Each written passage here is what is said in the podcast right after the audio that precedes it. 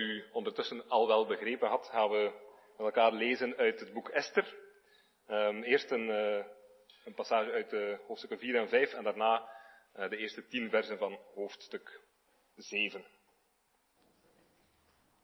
We hoofdstuk 4 vanaf vers 10. Toen sprak Esther tot Hattach en gaf hem de opdracht tegen Mordecai te zeggen, alle dienaren van de koning en de bevolking van de gewesten van de koning weten dat voor ieder man of vrouw die naar de koning gaat in het binnenste voorhof en die niet geroepen is, zijn enige vonnis is dat men hem doodt. Tenzij de koning hem de houten scepter toereikt. Dan zal hij blijven leven. En wat mij betreft, ik ben nu al dertig dagen niet geroepen om naar de koning te komen. Ze vertelden Mordecai de woorden van Esther. Mordecai zei dat ze Esther moesten antwoorden, beeld je niet in dat jij als enige van alle Joden zult ontkomen omdat je in het huis van de koning bent. Want als je in deze tijd in diep stilzwijgen hult, dan zal er vanuit een andere plaats verlichting en verlossing voor de Joden komen. Maar jij en het huis van je vader zullen omkomen. En wie weet of jij niet juist voor een tijd als deze tot deze koninklijke waardigheid gekomen bent. Toen zei Esther dat men Mordecai moest antwoorden, ga, verzamel alle Joden die zich in Susan bevinden en vast voor mij. Eet niet en drink niet drie dagen lang, nacht en dag. En ook ikzelf zal zo vasten samen met mijn dienaressen, dan zal ik naar de koning gaan. Wat niet overeenkomstig de wet is. En als ik dan omkom, dan kom ik om. Toen ging Mordecai weg en hij deed overeenkomstig alles wat Esther hem had opgedragen. Gebeurde op de derde dag dat Esther een koninklijk gewaad aantrok en ging staan in de binnenste voorhof van het huis van de koning, tegenover het huis van de koning. En de koning zat op zijn koninklijke troon in het koninklijke huis tegenover de ingang van het huis. En het gebeurde toen de koning, koningin Esther in de voorhof zag staan, dat ze genade vond in zijn ogen, zodat de koning Esther de gouden scepter die in zijn hand was toereikte. En Esther kwam naar voren en raakte het uiteinde van de scepter aan.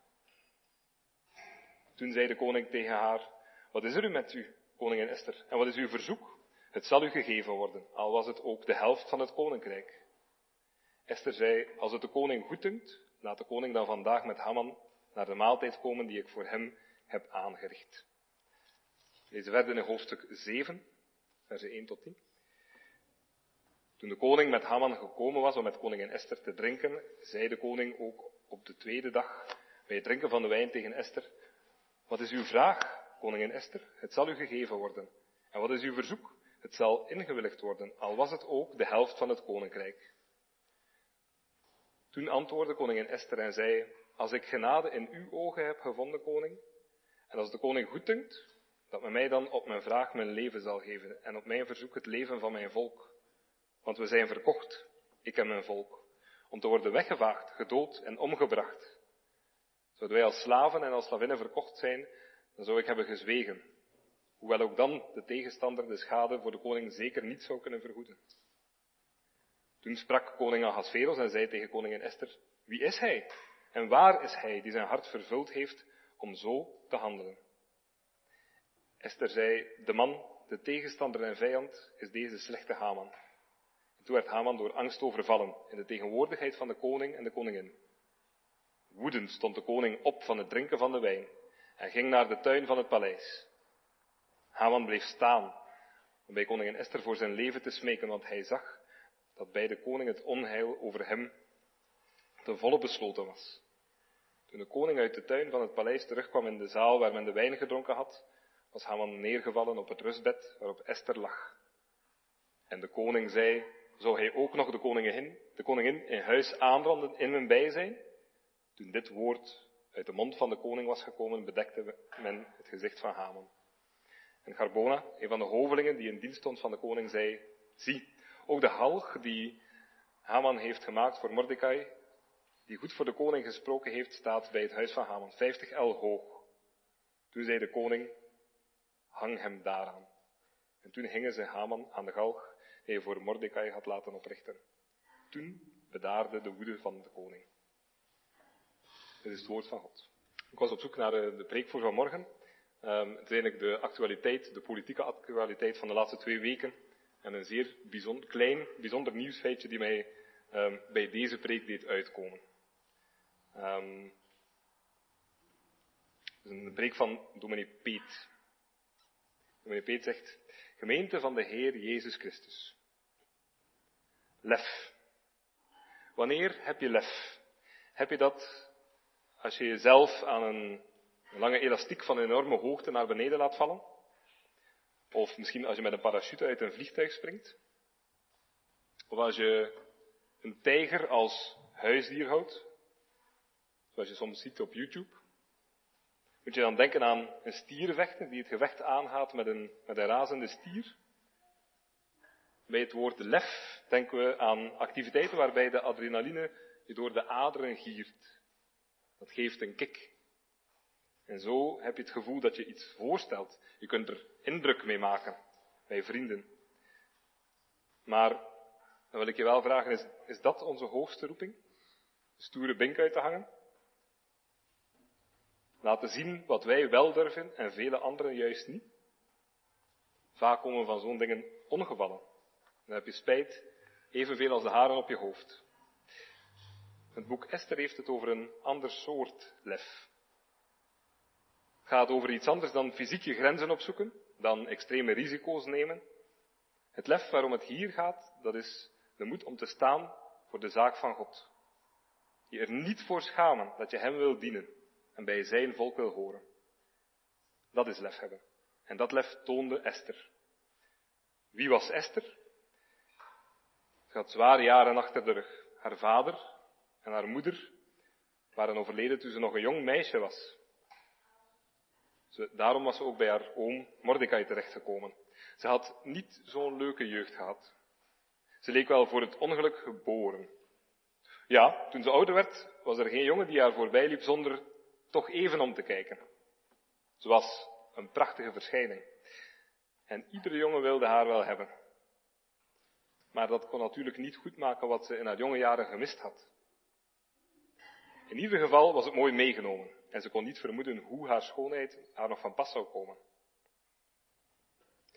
Kort geleden was er een incident geweest aan het hof. En toen was de koningin de laan uitgestuurd.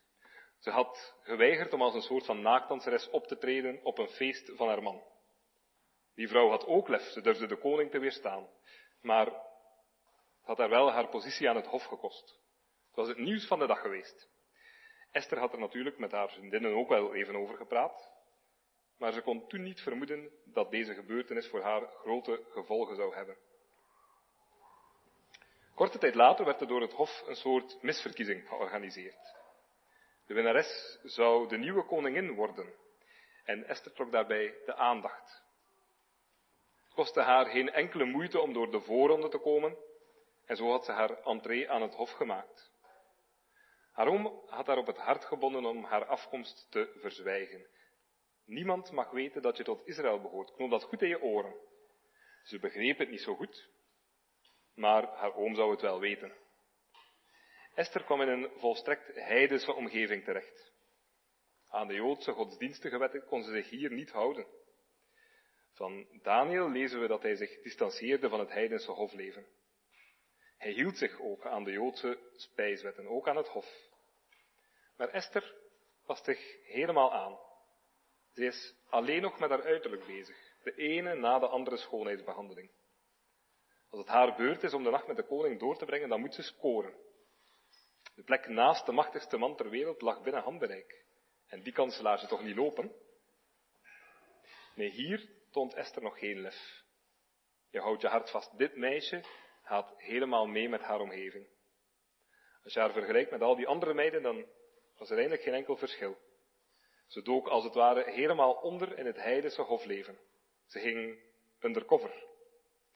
Nog even en Esther is de opvoeding van thuis helemaal vergeten. Je vreest het ergste. Binnenkort neemt ze afscheid van de God van Israël. Tegen zoveel verleiding is ze nooit bestand. Het leek in ieder geval goed te werken. Door het er maar niet over te hebben, gingen de deuren van het paleis van de machtigste man ter wereld voor haar open. Letten op Esther zou je kunnen denken,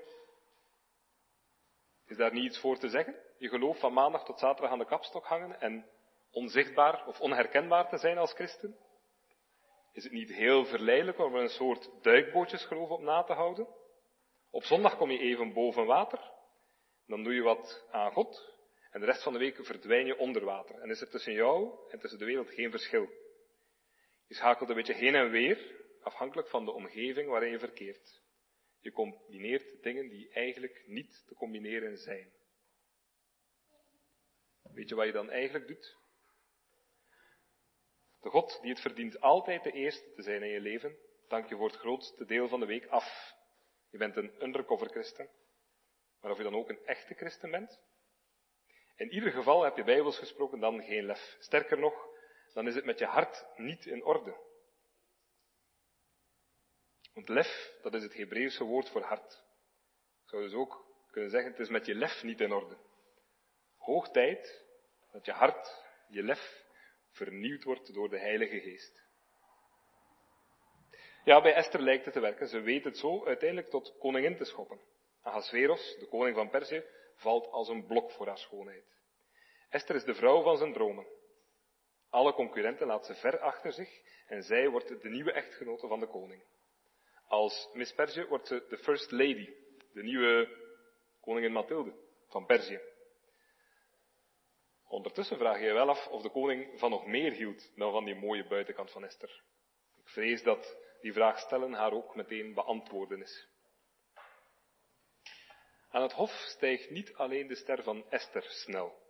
Hetzelfde geldt voor Haman. Ook hij maakt een bliksemcarrière aan het hof. Hij wordt na Ahasveros zelf de machtigste man van het rijk. Hij is een echte jodenhater en gezien zijn afkomst is dat niet vreemd. Hij stamt af van Amalek, een volk dat tijdens de woestijnreis Israël in de rug had aangevallen. Amalek had Israël willen vernietigen. En sinds dat moment was het oorlog tussen God en Amalek. Zit Amalek in het bloed om tegen Israël te zijn. En ook bij Haman komt dat aan het licht. Hij doet de koning het voorstel een volk te doden dat er zijn eigen wetten en gewoonten op nahoudt. En Naman is daarbij bewust vaag. Tegen Ahasveros zegt hij niet over welk volk hij het heeft. Hij laat de koning geloven dat dit volk een bedreiging is voor het rijk. Ook belooft Haman een astronomisch bedrag in de staatskast te storten als hij dit ongenoemde volk mag doden. Ahasveros van zijn kant, die kijkt niet op een volk meer of minder. Hij houdt toch nog genoeg onderdanen over. En met genocide heeft hij ook geen problemen als het hem geld oplevert. En zo stond opeens het voorbestaan van Israël op het spel. In Perzië dreigde al te gebeuren wat er zich later op een vreselijke manier in Nazi-Duitsland zou herhalen. Haman als een vroege voorloper van Hitler. Ten diepste zit de duivel zelf erachter. Die wil door de uitroeiing van de Joden voorkomen dat de Heer Jezus geboren zou worden. Satan wil zo het verlossingswerk van God stuk maken. Als er op aarde geen Jood meer overbleef, hoe zou de Messias dan geboren kunnen worden? Maar nu blijkt dat God zijn maatregelen al genomen heeft. Hij heeft ervoor gezorgd dat een knap Joods meisje zit op een heel invloedrijke plaats. Ze lijkt er dan misschien op een bedenkelijke manier gekomen te zijn. God is de duivel voor geweest. Nu de nood hoog is, is ook de redster nabij. Tenminste, als dat Joodse meisje nu het lef toont om het voor Israël op te nemen. Nu Haman die wet tegen het Joodse volk heeft uitgevaardigd, laat het de Joden niet onberoerd. Esther's oom Mordecai gaat demonstratief voor het paleis zitten, letterlijk in zak en as. Esther snapt niet waarom haar oom zo doet. In haar gouden kooi staat ze toch buiten het gewone leven. Haar oom maakt het haar duidelijk. Uitroeiing van de Joden dreigt en hij wint er geen doekjes om tegenover Esther. Jij moet nu naar de koning gaan en het voor je volk opnemen. Mordecai vraagt zijn nichtje om lef te tonen, om risico te nemen. Ongevraagd naar de koning gaan kon de doodstraf betekenen. Je moest eigenlijk ontboden worden. Maar dat was voor Esther nu al dertig dagen geleden. Blijkbaar gaf de koning op dit moment de voorkeur aan een andere vrouw uit de harem. Esther leek uit de gratie. Wat haar oom vroeg, was echt levensgevaarlijk. Ze zou alleen de dans ontsnappen als de koning haar zijn scepter toereikte. Dan gaf hij daarmee aan dat het onaangekondigde bezoek de koning toch behaagde. Maar die kans was klein.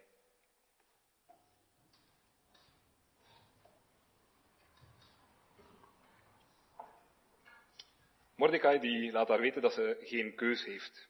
En hij heeft daar drie argumenten voor. Denk je dat jij als enige van deze moordpartij zou, zoudt overleven als je er het zwijgen toe doet? Vroeg of laat komt het toch uit wie je bent en dan kom jij ook aan de beurt. Onlangs moest Vasti het veld ruimen, morgen kan je zelf in de problemen zitten. Trouwens, en dat is het tweede argument, als jij niet voor je volk opkomt, dan komt er van de andere kant wel redding. Mordecai vertrouwt erop dat God het voor zijn volk zal opnemen. Alleen, zo waarschuwt hij zijn nicht, jij zult er dan niet van profiteren. God is geen redder van halfslachtige mensen. En dan heeft haar oom nog een argument. Waarom denk je dat God je op deze post heeft neergezet? Dat kan maar één bedoeling hebben. Juist op jouw positie ben je in de gelegenheid je volk te redden. God heeft je die plek niet voor niets gegeven. Hij heeft hier een bedoeling mee. Stel jezelf in dienst van deze God en beken kleur. Nu, onze positie is een andere dan die van Esther.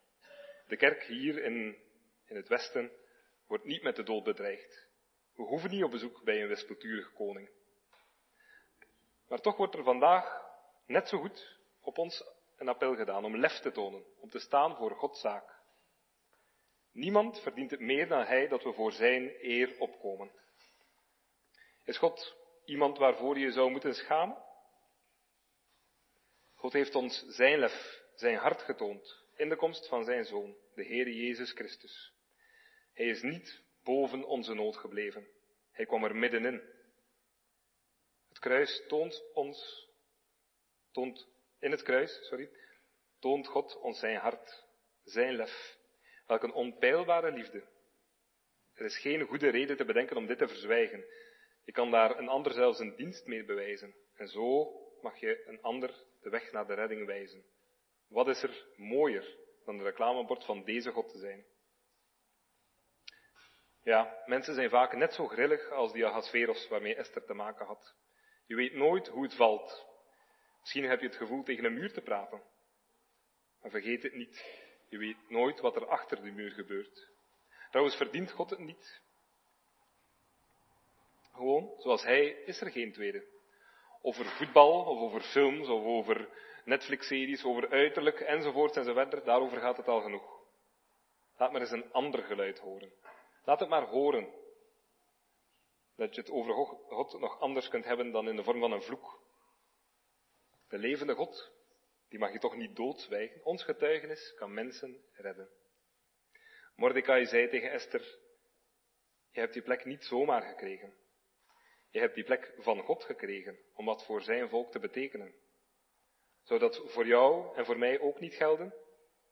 Nee, daarvoor hoef je niet eerst een koningin te zijn. Ook jij hebt je plekje in dit leven met een doel gekregen. Je plek op school, je plek in de supermarkt, op kantoor, in het bedrijf waar je werkt, in de straat waar je woont. Die plek heb je niet gekregen om daar een grijze muis te zijn, maar om daar lef te tonen, om daar een lichtje te zijn. Je kent vast het kinderversje, Jezus zegt ons dat we moeten zijn als kaarsjes brandend in de nacht, jij in jouw klein hoekje en ik in het mijn. Dat is onze roeping licht verspreiden. Heb dat lef. Ik weet het zeker. Dan heb je God mee. En als je God mee hebt, heb je dan niet alles mee. Met God ben je altijd in de meerderheid, ook al sta je helemaal alleen. Esther heeft er niet van terug als ze de argumenten van haar oom gehoord heeft. Ze neemt de moeilijkste beslissing uit haar leven. Ze zal ongevraagd op audiëntie gaan bij de koning en haar leven wagen brengt haar tot de uitspraak waarom ze zo bekend is geworden. Kom ik om, dan kom ik om. Ze heeft haar leven ervoor over. Ze is bereid om een advocaat te zijn voor haar volk. Zo gaat ze naar de koning. Natuurlijk heeft ze ervoor gezorgd dat ze er tip-top uitziet. U weet, misschien helpt het om de koning een beetje te laten onttooien. Met een kloppend hart verschijnt ze in de troonzaal. Overal om zich heen hoort ze opgewonden gefluister. De spanning is te snijden. Wat zou de reactie van de koning zijn? Dit is het uur van de waarheid. Met deze daad heeft ze of haar doodsvonnis getekend, of redt ze het leven van haar volk. Als Ahasveros een mooie vrouw ziet, dan smelt hij. En daar gaat zijn gouden scepter al omhoog. Esther hoeft voor haar leven niet te vrezen. Ze wordt met open armen ontvangen. Ze kan alles van haar man krijgen, tot zelfs de helft van het koninkrijk. Nou Esther, dan is de zaak gauw rond, zou je denken. Vraag maar meteen om het hoofd van Haman en het gevaar voor je volk is geweken. Dit is je kans. Maar haar verzoek valt dan toch wel tegen. Ze vraagt alleen dat Haman en de koning samen bij haar komen eten. Omringd door al de hofdienaren vragen om Hamans hoofd is te riskant. Ze pakt het voorzichtig aan. Ze gaat met oosterse omslachtigheid te werk. Als ze dan met Haman en de koning aan tafel is, creëert ze nog een dag uitstel. Esther verzoekt beiden morgen weer bij haar te komen eten. Aarzelt ze als het erop aankomt, of hoort het bij de tactiek?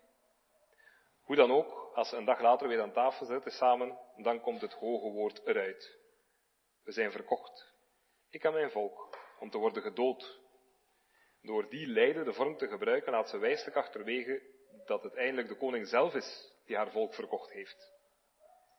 Daarna vraagt ze om het leven van haar en haar volk. Ze noemt zichzelf als eerste. Daarmee doet ze een beroep op de sympathie die zij zelf bij de koning heeft. Ook mijn leven is in gevaar. Ze maakt hem duidelijk dat de liefde voor haar volk tegelijk ook, dat de liefde voor haar, sorry, tegelijk ook de liefde voor haar volk moet zijn. Ahasveros is verbijsterd. Wie bedreigt het leven van zijn geliefde vrouw? Wie heeft het duivelse plan gesmeed? En dan hoeft Esther alleen maar naar Haman te wijzen. Nu moet Ahasveros kiezen tussen zijn geliefde minister en zijn geliefde vrouw. Die keus is voor Ahasveros niet moeilijk. De koning is laaiend, razend op Haman. Hij had Haman zo vertrouwd en nu levert hij hem dit. Haman is uit de gratie. En zo wordt Esther een instrument in Gods hand tot redding van haar volk. Dit is lef hebben. Een vraag aan jou is, wil je nu als Esther ook zo een instrument zijn in Gods hand? Heb je God echt lief gekregen? Gaat Hij boven alles? Heb je Hem in je hart gesloten? Heeft God jouw hart al veroverd door zijn Heilige Geest? Is voor jou het geloof niet langer iets dat je kunt wegparkeren? Is het iets dat altijd met je meegaat? Is hij je duizend keer meer waard dan je gsm, dan je favoriete sportheld, voetbalclub of muziek? Heb je Hem lief boven je eigen leven, boven al het jouwe? Ben je bereid het jouwe los te laten en God boven alles te stellen? Want dat is het toch precies wat Esther hier doet. Zij is letterlijk bereid haar eigen leven te verliezen. Jezus zegt dan, als je het leven wil verliezen, dan zul je het vinden. Maar Jezus zegt ook het omgekeerde. Als je je eigen leven wil behouden, dan zul je het verliezen. Werd dus eigenlijk precies omgekeerd dan je zou verwachten. Wij denken, je moet zoveel mogelijk zien binnen te halen en alles krampachtig vasthouden. We zijn net als een klein kind dat zijn speelgoed probeert vast te houden in zijn handen. Het is van mij. Wie volwassen is geworden, denkt eigenlijk vaak nog precies hetzelfde. Dit is mijn leven en iedereen moet er vanaf blijven. Probeer het vast te pakken in je vuisten. Nee, zegt Jezus. Je moet juist het lef hebben om het jouwe prijs te geven. Met heel je hebben en houden het eigendom van een ander te worden. Niet zelf de zeggenschap over je leven in handen houden, maar die aan God overdoen. Zelf afstand doen van de macht en God de troon van je hart laten bestijgen. Door te verliezen mag je alles winnen. Denk aan een trechter. Het ongeloof begint aan de brede kant van de trechter. Alles kan en alles mag. Je maakt je breed en sterk, je blaast jezelf op, maar een trechter loopt smal toe. Hoe ouder je wordt, hoe minder ruimte je overhoudt om uiteindelijk te eindigen in de engte van de dood. Je begint breed, maar je eindigt smal. En als je sterft, moet je alles loslaten. Je houdt niks anders over dan de kist waarin je begraven wordt. Christen worden betekent beginnen aan de nauwe kant van de trechter. Beginnen met alles prijsgeven. Heel je leven uit handen geven. Niet zelf de baas willen blijven, maar God, als je meerdere erkennen. Zo door de eng te gaan, jezelf opgeven. Maar juist na die nauwe doorgang, die smalle poort, wordt het toch ruim. Je betreedt dan de ruimte van Gods liefde. Je hebt het leven nooit achter je, altijd voor je. En Jezus maakt je dan rijk. Dat begint nu al. En het krijgt een eeuwig vervolg. Kijk, en dat is wat Esther ook gedaan heeft. Ze wilde haar leven verliezen en juist zo heeft ze het gevonden. Dat werd haar redding en de redding van haar volk. Dat is de weg. Het kan niet uitblijven dat je risico's moet nemen. Ook het risico dat mensen je voor gek verklaren. Dat mensen je niet meer willen aankijken. Pijnlijk. Dan heb je de durf om uit je comfortzone te stappen. Om als Petrus uit je veilige schip te komen en om met Jezus over de golven te gaan. Niet altijd gewenst gedrag vertonen. Niet doen wat mensen om je heen het liefst van je zien. Maar dat doen wat Jezus graag van je ziet. Kijk, het is heel gemakkelijk om God te eren met je hoofd, met je denken. Maar christen zijn in je hart en daden, daar gaat het om. Christen zijn in het diepst van je wezen. En dan wordt je geloof tot daden. Dan kan je geen undercover christen zijn. Dan word je christen in het openbaar. Laatst hoorde ik iemand zeggen, de natuurlijke reactie op een relatie met Jezus is die te uiten. Over de relatie met je vriend of vriendin praat je toch ook met anderen? Zou het dan in dit geval, in het geval van de heiland, anders liggen? We gaan nog één keer terug naar de geschiedenis van Esther. Ahasveros kookt van woede als hij begrijpt wat Haman in zijn schild voert. Hij loopt even de tuin in om af te koelen. Maar als hij terugkomt is zijn woede al gauw weer op het kookpunt, want hij vindt zijn eerste minister in een verdachte houding bij de koningin. Het lijkt alsof hij haar wil overweldigen. Uiteraard is dat niet de bedoeling, Haman wil alleen zijn hoofd redden. En dat moet hij dus nu vragen aan een vrouw die behoort tot het volk dat hij veracht. Maar Haman kan in de ogen van de koning geen goed meer doen. In de ogen van Ahasveros is er sprake van het begin van een verkrachting. En daarom is voor hem de zaak nu helemaal rond. Er worden dienaren van het hof opgetrommeld, die Haman een doek over het hoofd doen. Haman wordt letterlijk geen licht meer in de ogen gegund. Hij zal sterven. En Lakij wijst de koning erop dat er in de tuin van Haman al een hoge paal klaar staat. Die had Haman daar geïnstalleerd om de oom van Esther aan te hangen. Nu, zegt de lakij, daar kunt u mooi Haman zelf van ophangen. En zo gebeurt het ook. Wie een kuil graaft voor een ander, valt er zelf in. Zo zie je wat er met Haman gebeurt. Haman, de man die zijn leven wilde behouden. Hij was er alleen op uit om zelf belangrijk te worden. Alles draaide om zijn eigen ik. Succes hebben, meer macht, alles naar zich toe halen. Wie zo zijn leven wil behouden, die verliest het. Die hangt. En dat zie je bij Haman gebeuren. Esther had het lef om voor het tegenovergestelde te kiezen. En daarvan zie je hier ook waar het toe leidt. Dat wordt door de Heer gezegend. Nee, ze heeft niet gedacht, als ik maar koningin kan blijven. Ze legt alles in de waagschaal, ja. En juist zo vindt zij het leven voor zichzelf en voor haar volk. Nu ze alles prijs wil geven, vecht God voor haar. Esther mag ervaren hoe waar het is. Als God voor ons is, wie zal tegen ons zijn? Dan moet zelfs een eerste minister het veld ruimen. Zulk lef wordt door God gezegend. En hier blijkt dus dat het echt waar is. Met God ben je altijd in de meerderheid. Weet je aan wie Esther mij doet denken? Aan de Heer Jezus Christus. We zijn het misschien niet zo gewend om, om over hem te spreken als een man met lef. Maar als er iemand toch lef heeft gehad, ja, dan hij. Hij liep niet over de geëikte paadjes. Hij keek mensen niet naar de ogen, hij keek God naar de ogen. Als er iemand is die zijn leven wilde geven, wilde verliezen, dan is het wel Jezus geweest. Hij kwam net als Haman aan een paal terecht. Maar wat is het verschil groot? Haman moest uiteindelijk hangen omdat hij tegen God inging. Jezus ging daar omdat hij God trouw bleef. Haman kwam daar te hangen omdat hij de vijand van Gods volk was. Jezus omdat hij Gods volk wilde redden.